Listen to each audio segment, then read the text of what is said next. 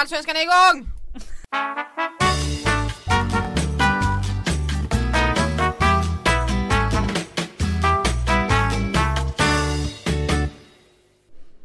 Första april, klockan är mycket, jag tror den är 22 och eh, 35 om man frågar Fröken ur. Välkommen till Allsvenska podden.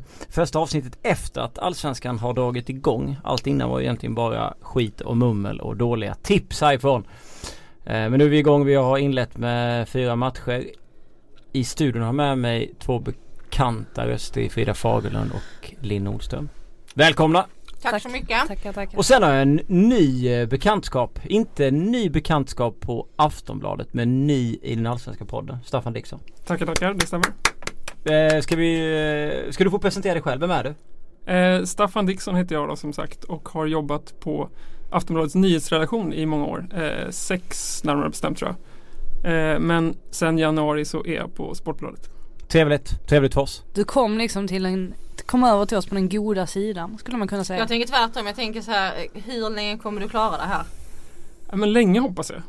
Eh, det är allas mål. Man blir deprimerad av att skriva om eh, mord och politik dagen i ända så jag hoppas bli kvar ett tag.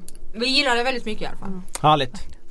Eh, vi har inlett med eh, fyra allsvenska matcher. En match som gör väldigt, väldigt ont i, i fri, hos Frida. Eh, Oj! Trelleborg IFK Göteborg. Eh, som slutar eh, 1-3. Eh, jag är överraskad över att Göteborg gjorde så pass många mål som de gjorde. Eh, I den fighten. Men jag är inte så överraskad med tanke på mitt tips att eh, Trelleborg torskar. Jag vet inte vad ni har för feeling när ni kollar på Trelleborg Göteborg. så, ehm, nej men jag skulle vilja säga för, från första, om man ska ta det liksom, eh, kolla från första början så tyckte jag väl att jag var lite förvånad över hur startelvan var Mm. formerad. Hur Patrik Winqvist hade fått ihop det här laget för jag tycker Lite konstigt att se Lasse Nilsson som, som ytterback. Eh, för mig borde han ju vara given bredvid eh, Blomqvist. Eh, Och så förstår jag att man har tagit in Hatzi Kadunic från, från Malmö på lån och att man vill eh, låta honom spela. Men idag eh, hade han behövts där Mm. inne eh, tycker jag. Sen eh, lite förvånande också att jag vet inte om det finns någon bakomliggande orsak som jag inte känner till men att eh, Ymmet inte fick eh, starta heller. Ändå en spännande spelare och idag hade det behövts med lite speed också där framme. Eh, man ser att det är Jovanovic som gör Trelleborgs mål och han är kvick och hal. Eh, sen kan man ifrågasätta Blåvitts försvar där just i, Mm. i det målet men eh, samtidigt så är han, det är inte lätt att få Onödigt att stopp. släppa in där. Alltså. Ja men det är inte lätt att få stopp på honom heller. Hysén sa att det var ett skitmål och man kan ju tycka att Göteborgs första också är ett skitmål med tanke på att de får den eh, Ja, det är ju. Marco Johansson han är eh, först med att han fick assist på, dem, på båda målen. Ja. Eh, Det första var ju ganska olyckligt. Det andra var ju desto snyggare får man säga. Det var nästan en liten David de Gea eh, utspark när han liksom Ja. eh, får den ända upp till Jovanovic som tar den vidare.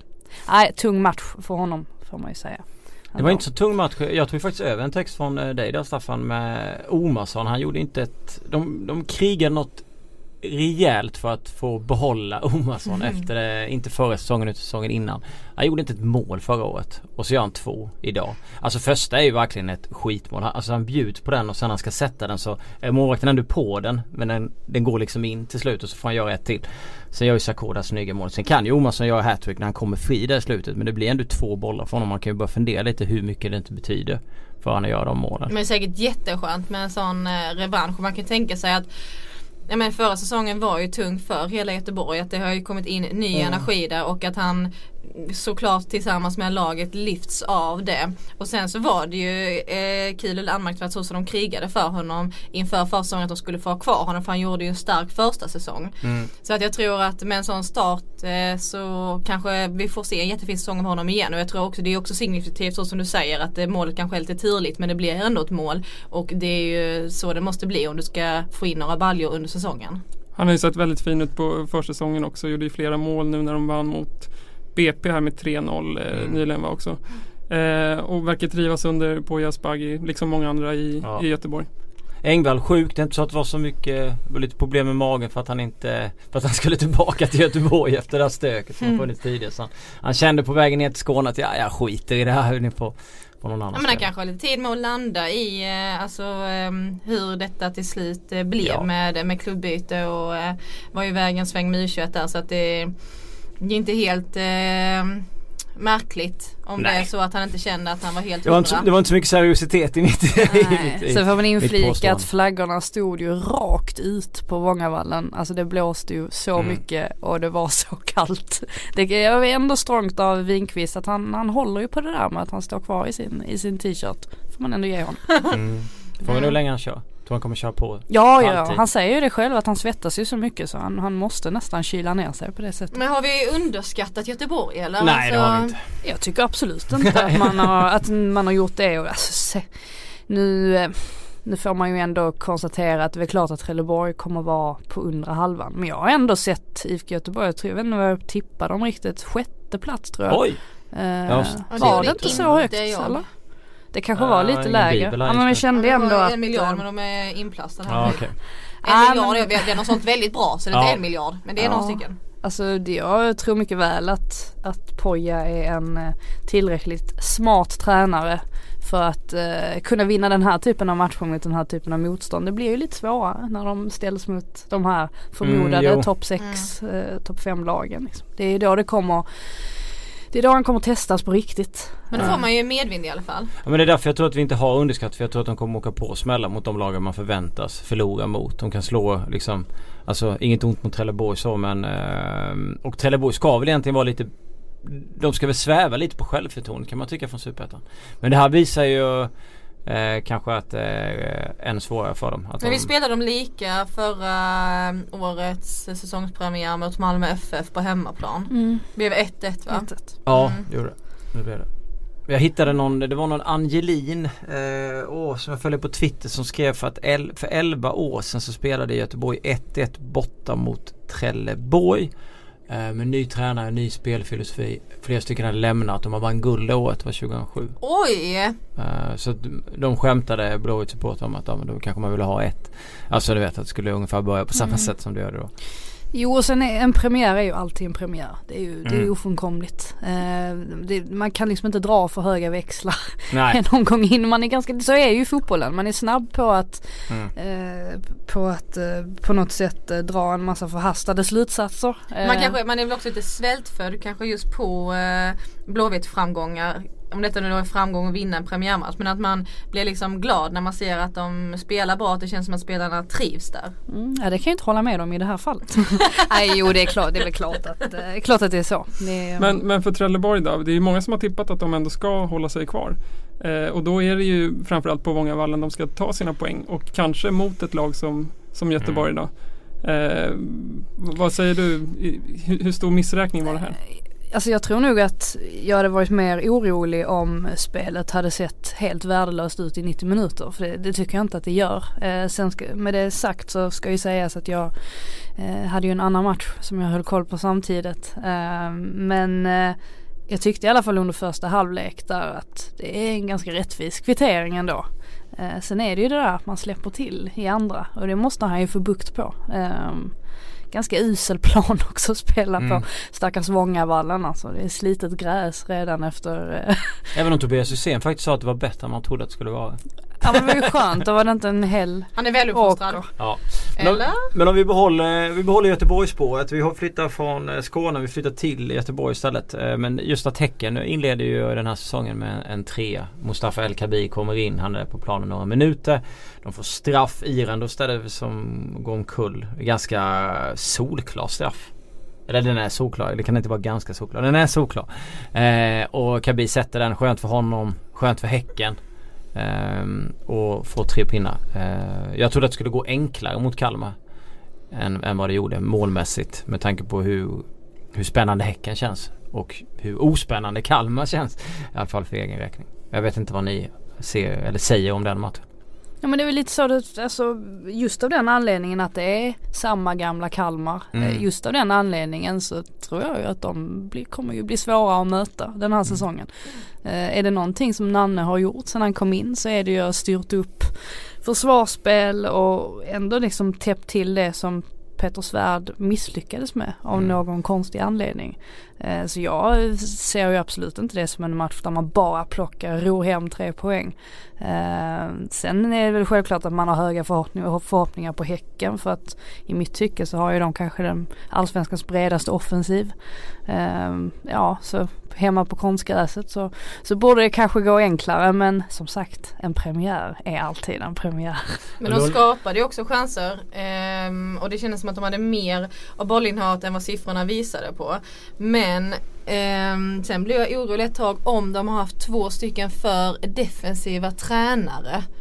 Att man liksom, häcken. Häcken, ja. Mm, att man liksom har blivit av med det här som Gerhardsson tryckte in i laget. Sen så har man haft nu två stycken tränare som, som fokuserar på det då som var deras eh, svaga punkt för svaret men att man då inte heller kanske hinner eh, ställa om på det sättet som man behöver göra för att vara riktigt offensiva.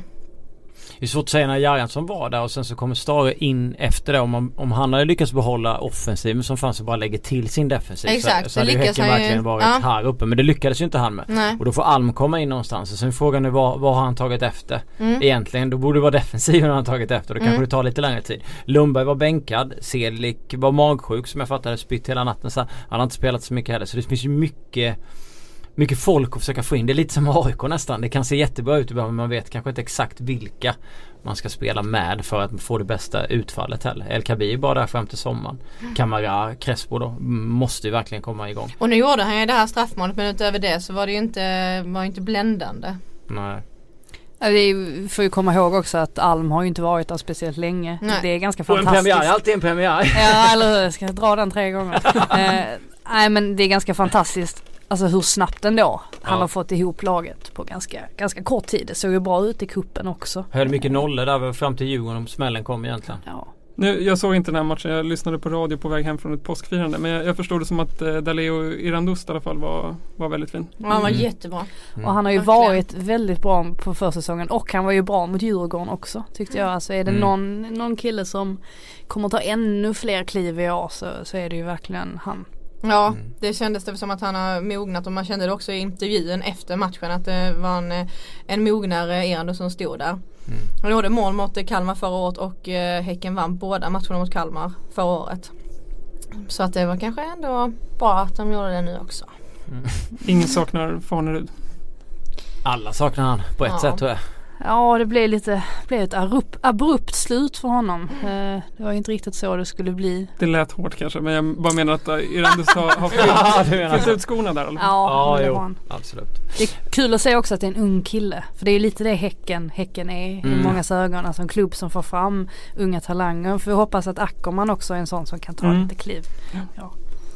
Två och ett halvt tusen besökare på Bravida Arena.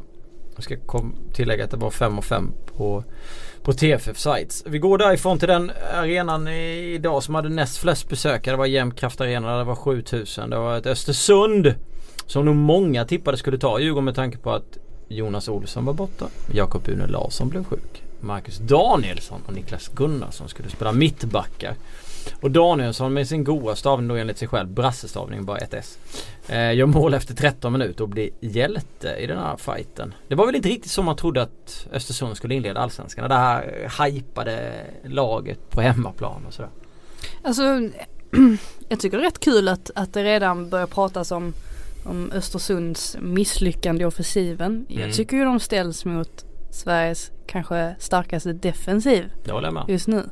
Eh, ja, och det visade ju Djurgården mot, mot AIK inte minst i derbyt nu för några veckor sedan. Att de är, den där 4-4-2, alltså den, den sitter som gjuten. Mm. Eh, och det spelar ju uppenbarligen ingen roll om Olsson är borta, Une Larsson är borta. De är så samspelta ändå. Jag tycker det är extremt imponerande. Kollade lite snabbt här efter matchen och jag tror inte att Djurgården har släppt in ett spelmål, eller förlåt, ett mål i en tävlingsmatch sedan omgång 28 förra året mot Nej. eh, Häcken hemma.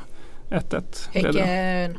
Men det, anledningen till att jag väljer att formulera det på det här sättet är att Djurgården står ju, jag tror de stod i nästan fyra, över fyra gånger pengarna i den fighten. Och det är väldigt mycket för ett lag som slutade trea. Även om det är Östersund. Eh, och det ligger en jättelång text ute med Özcan Melkemic som jag pratade med. Och då pratar han just om den där eh, det där kvittot som de har fått under försäsongen. Den där, att de har den där extrema starka tron på sig själva. Att de känner att ja, det, det ska, de ska Lagen får jobba jävligt mycket som man snackade om för att de ska skapa målchanser. Nu såg jag inte hela den. Eh, men du såg det mesta av det Staffan? Andra halvlek i alla fall med första. Jag såg mycket av det och det man ska säga är väl också att eh, Östersund saknade också spelare. Curtis Edwards och Teki var borta. Mm. Eh, vilket gör att man då drar ner Ghoddos på, på mittfältet. Eh, lite ovan position för honom. Kanske inte kom helt till sin rätt där.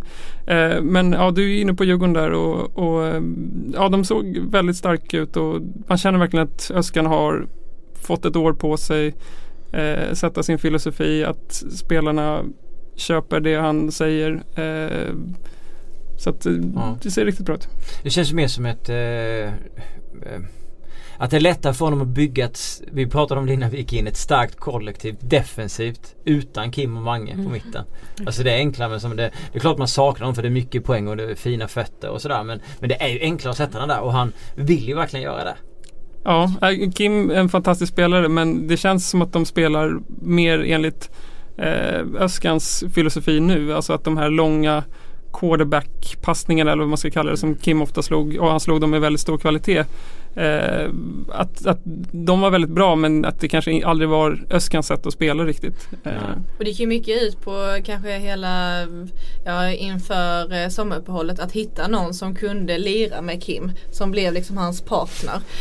Eh, det är helt sjukt att jag som pratar så högt sitter eh, och får hoppa närmare. Det har aldrig hänt innan.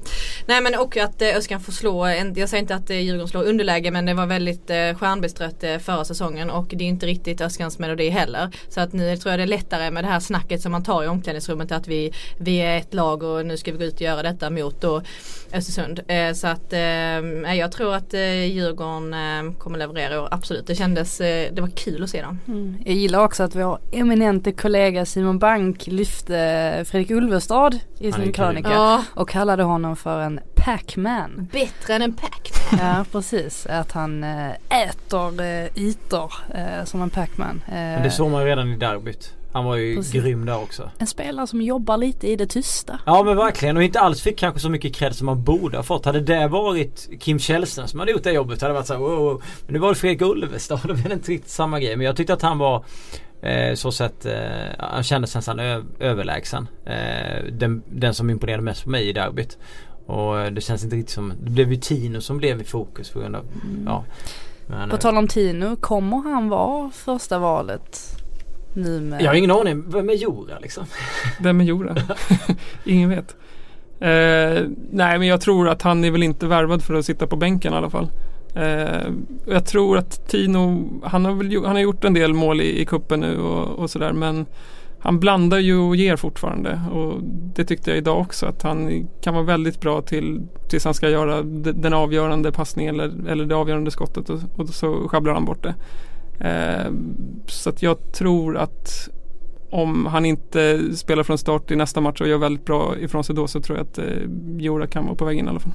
Alltså hittar de en riktigt effektiv striker med det här försvarsspelet så kommer det bli ett fantastiskt år. Det kan det bli ändå men icke så effektiv men det skulle kunna bli fantastiskt för, för Djurgården om man kan liksom hålla den här, den här stommen hela tiden. Mm. Får hoppas att Öskan hyllas lite mer eh, ja. den här säsongen jämfört med förra. Det var otroligt mycket press på honom då också. Ja. Just för det här med att de gjorde en sportslig satsning. Ja.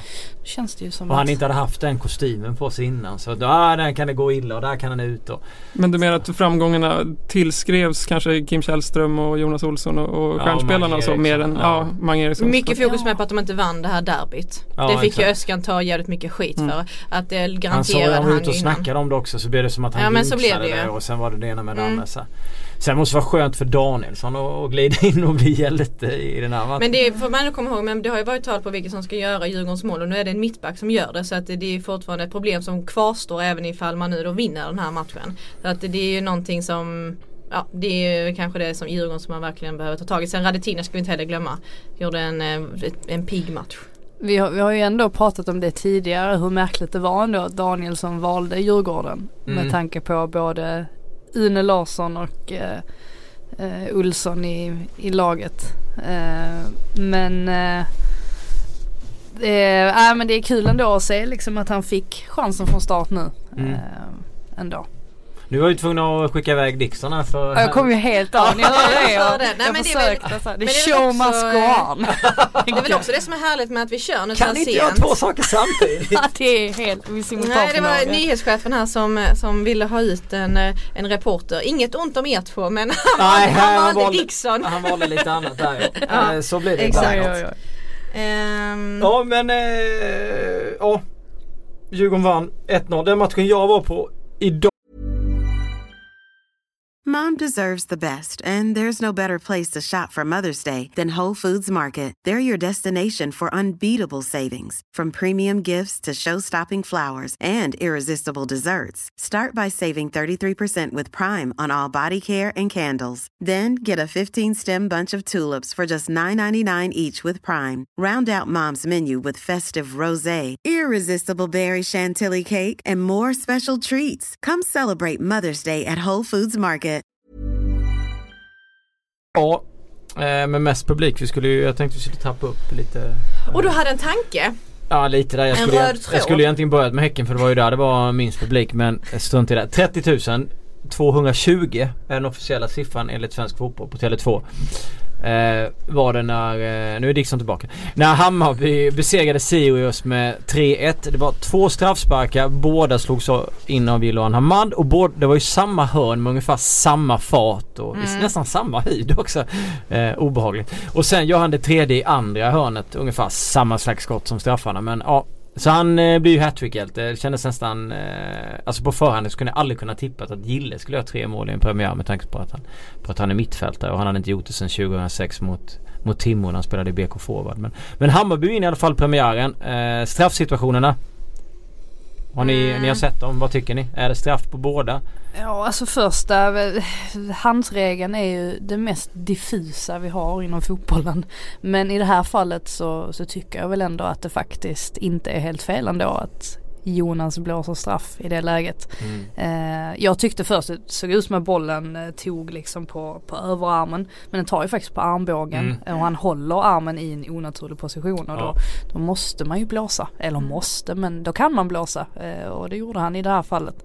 Eh, sen att de, eh, eller att Sirius tycker att det ska vara frispark i momentet innan.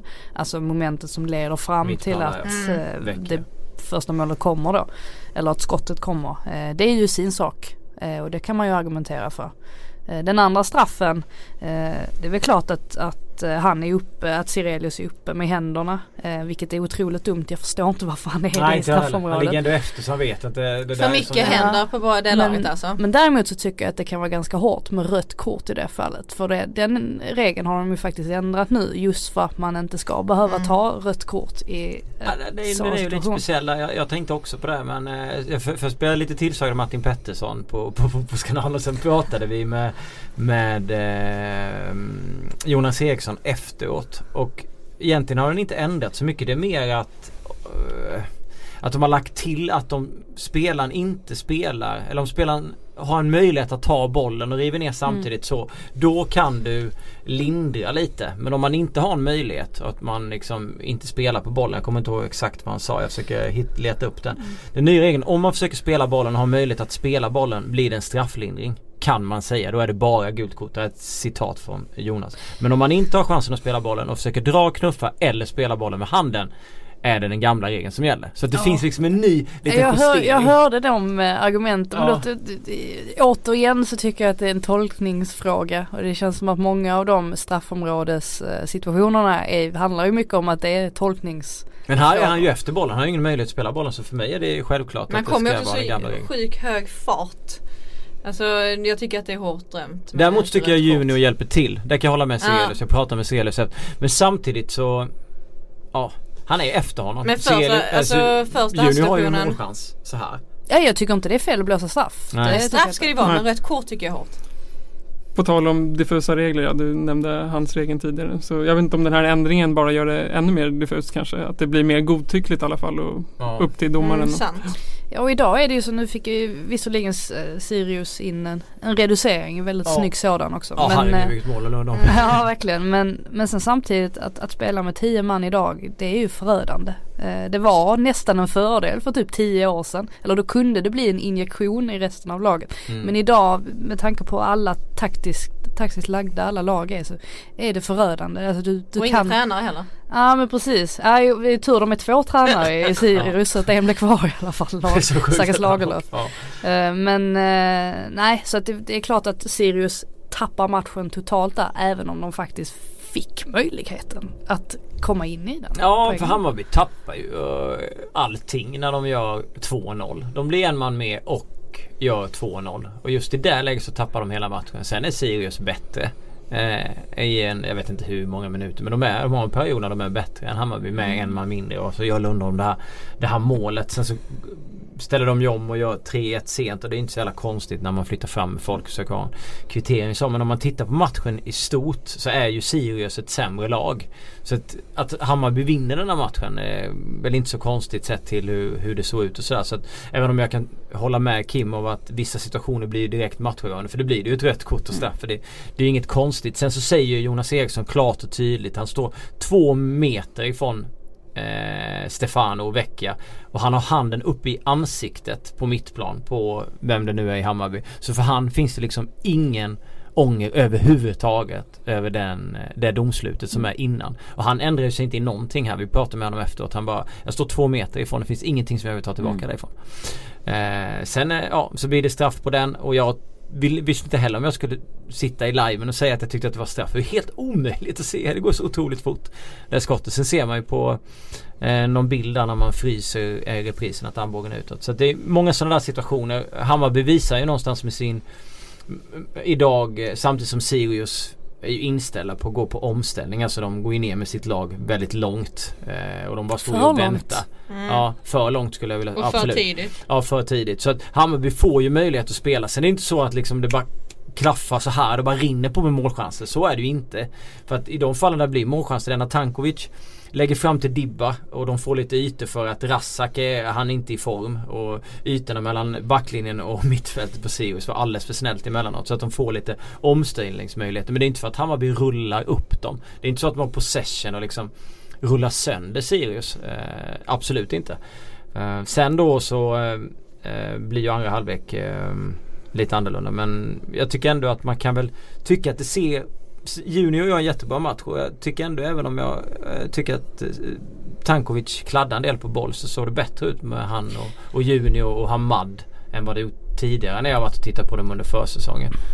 Eh, Jag tycker det är mycket ändå- positivt att ta med sig. Ja. Alltså för Hammarbys del. Nu låter det som att man pekar ut alltså en massa kritik. Och de tappade matchen där vid Jo. 2-0. Men de vinner ju välförtjänt. Ja, och det de, tycker jag. eh, Ja, ja. Och det är alltså en bra en bra start för en klubb som ändå har blivit väldigt ifrågasatt som fansen inte riktigt har vetat var de står och Mm. vi har inte vetat var de står. Alltså ändå ett skönt besked på så sätt. Och sen är det klart att Billborn säkert inte är nöjd med alla de här grejerna som att de släpper in Sirius i matchen. Men ändå, nej. de fick med sig resultaten, fick med sig poängen. Nu kan de andas ut. Neto. Borges han tappar ju saker bakåt men han skapar saker framåt. Simon Samba är med.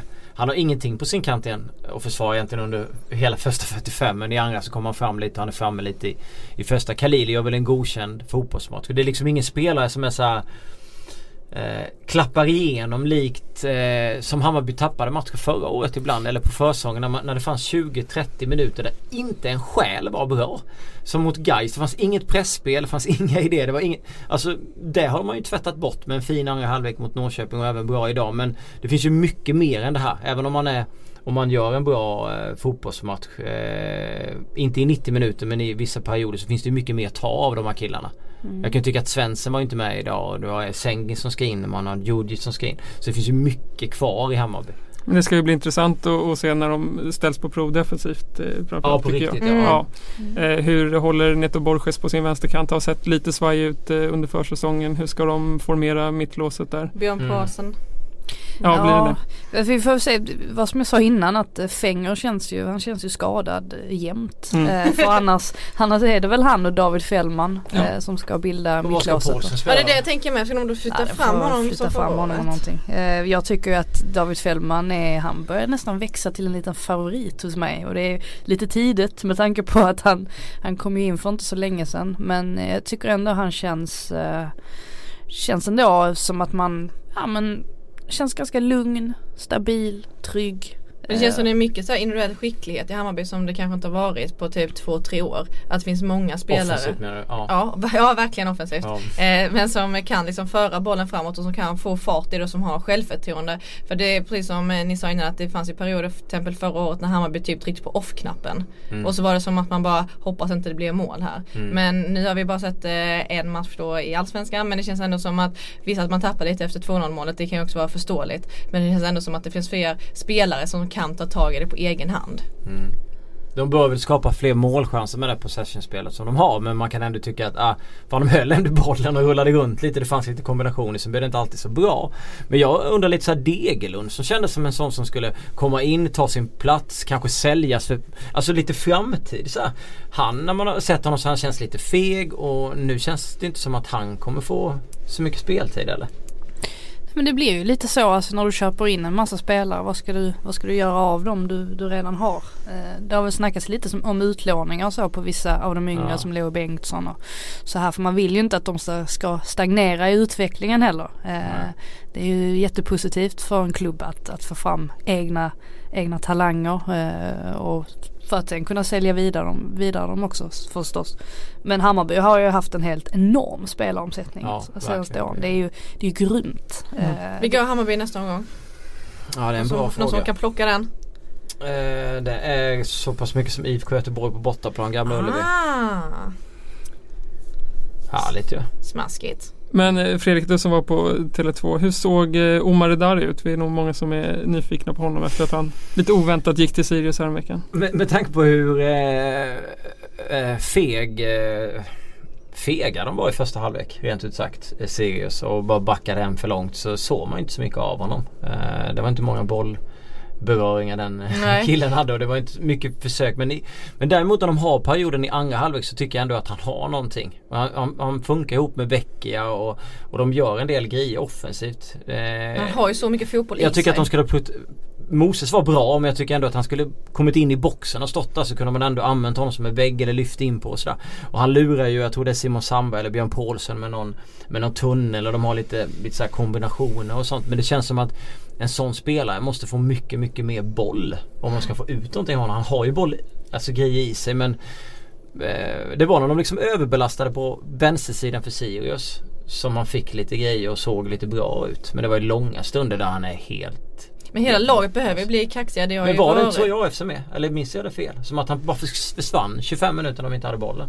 Och sen var han bra några minuter och sen gick det fram och tillbaka. Ja, men de behöver bli lite kaxigare. Det behöver vara det där Sirius som inte är rädda. Men de har väl inte den truppen eller? Nej men man kan väl ändå ha den mentaliteten. Hur, Ja, såg, man eh, vill ändå ligga under. hur såg Linn Nordströms favorit eh, Abdul Razak ut då? Nej. Jag tycker han, är- jag tycker han är trött och är... Nej men han, är var väl inte trött? Han är inte i matchtempo han, Nej men han, det behöver han väl inte vara. Det kan han väl bli. Jo men det, då lyser det igenom att han tappar den ytan som han ska stänga till. Och Hammarby fick mycket av den även om de inte utnyttjade den. Han byttes ut tidigt i andra. Jag tror han gick ut efter 5-6 minuter i andra. Ja, spelade de ihop i AFC? Vilka pratar de om nu? Uh, Razak och eh, Dari. Ja de var lagkamrater. Visst var de det? Ja. Kolla, det kommer bli svinbra här med. Nu kommer de bara, ska de bara hitta varandra, få upp lite tempo. Ja men det är ju boll i båda spelarna. Så att då får de igång dem så har de ju åtminstone större chanser att eh, skapa mera offensivt. Jag har inget gott sådär direkt för Razak alls. Vad krävs det för att du ska sl- sluta tro på honom? Jag gillar eh, Han är din gubbe, ja. Nej men eh, jag vet inte. Jag får, väl, eh, jag får väl vara den som eh, håller honom om ryggen i den här podden. Ja. Ja, ja.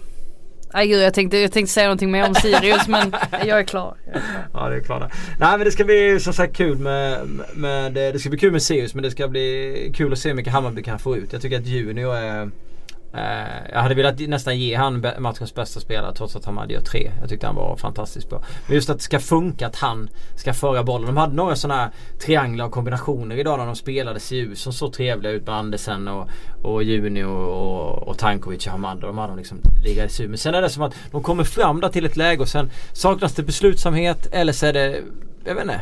Inte tillräckligt s- Lite, smart. lite, lite skärpa i avslutet. Ja men det, och det är ju också eh, premiär. Ja men Ta- Tankovic levererar ju en riktigt fin boll där till Padibba Ja, några han. minuter in Men och den ska ju han liksom. sitta. Ja, Jag ska med Hamads förklaring till den här eh, Hansen då till första målet var att eh, laget hade tränat på att sätta igång snabbt, alltså den här snabba frisparken som de fick så att inte ett lag skulle hinna formera sig. Men att man inte hinner få in armarna i ett sånt läge, det vet jag inte om, om de kan ta cred för. Men jag ringde ju dig precis efter matchen Mm. eh, och då sa du ändå att du inte var så förvånad över det spelet som Hammarby visade upp. Det Nej, känns ändå att som att du hade en, en alltså lite inte krav på dem men det kändes som att du hade lite förväntningar. Ja, ja men Björn Paulsen, jag satt ju med honom inför en eh, 40 minuter typ och gjorde en längre intervju. Då sa han att de skulle ha bollen och de skulle se ut som de gjorde mot IFK Norrköping i halvlek. Och de skulle spela fotboll och sådär. Eh, och de skulle han var väl inne på att de inte skulle ha possession bara för att ha possession utan de skulle skapa chanser. Sen tycker jag de skapar för lite chanser. Men sen är det klart att man, det var för, jag förväntade mig det med tanke på att jag vet hur Hammarby vill spela och så vet jag hur hur Sirius förmodligen kommer ja, backa tillbaka. Så matchbilden var inte, det var inte så att man var förvånad. Det var mer förvånande om givetvis om Sirius hade fört matchen och Bayern bara hade stått och väntat. Men nu blev det ju som man förväntade sig. Sen så som sagt, som Staffan var inne på ska det bli kul att se IFK Göteborg mot ett lag som har eh, eller har lite mer spets och våga gå framåt på ett annat sätt. För då kommer ju Borges bli testad mer. Uh, mittbackarna kommer bli lämnade om inte Junior hinner, hinner hem eller om liksom det överbelastar så. Och då får vi verkligen se hur många boll, bollar som rinner in där bak. Det ställer ju alltid lite krav. Nu har ju Hammarby tagit på sig det här. Man ska spela den här frejdiga fotbollen. Och det har ju både Billborn och Jesper Jansson sagt att det var ju på tal att man skulle ta på sig den här underdog-rollen istället. Den är ju mycket mer tacksam att ha. Den, den, eh, den kräver inte lika mycket av ett lag. Men nu har de bestämt sig för att det ska vara den här offensiva fotbollen man ska ha. Liksom hålla i bollen och försöka spela.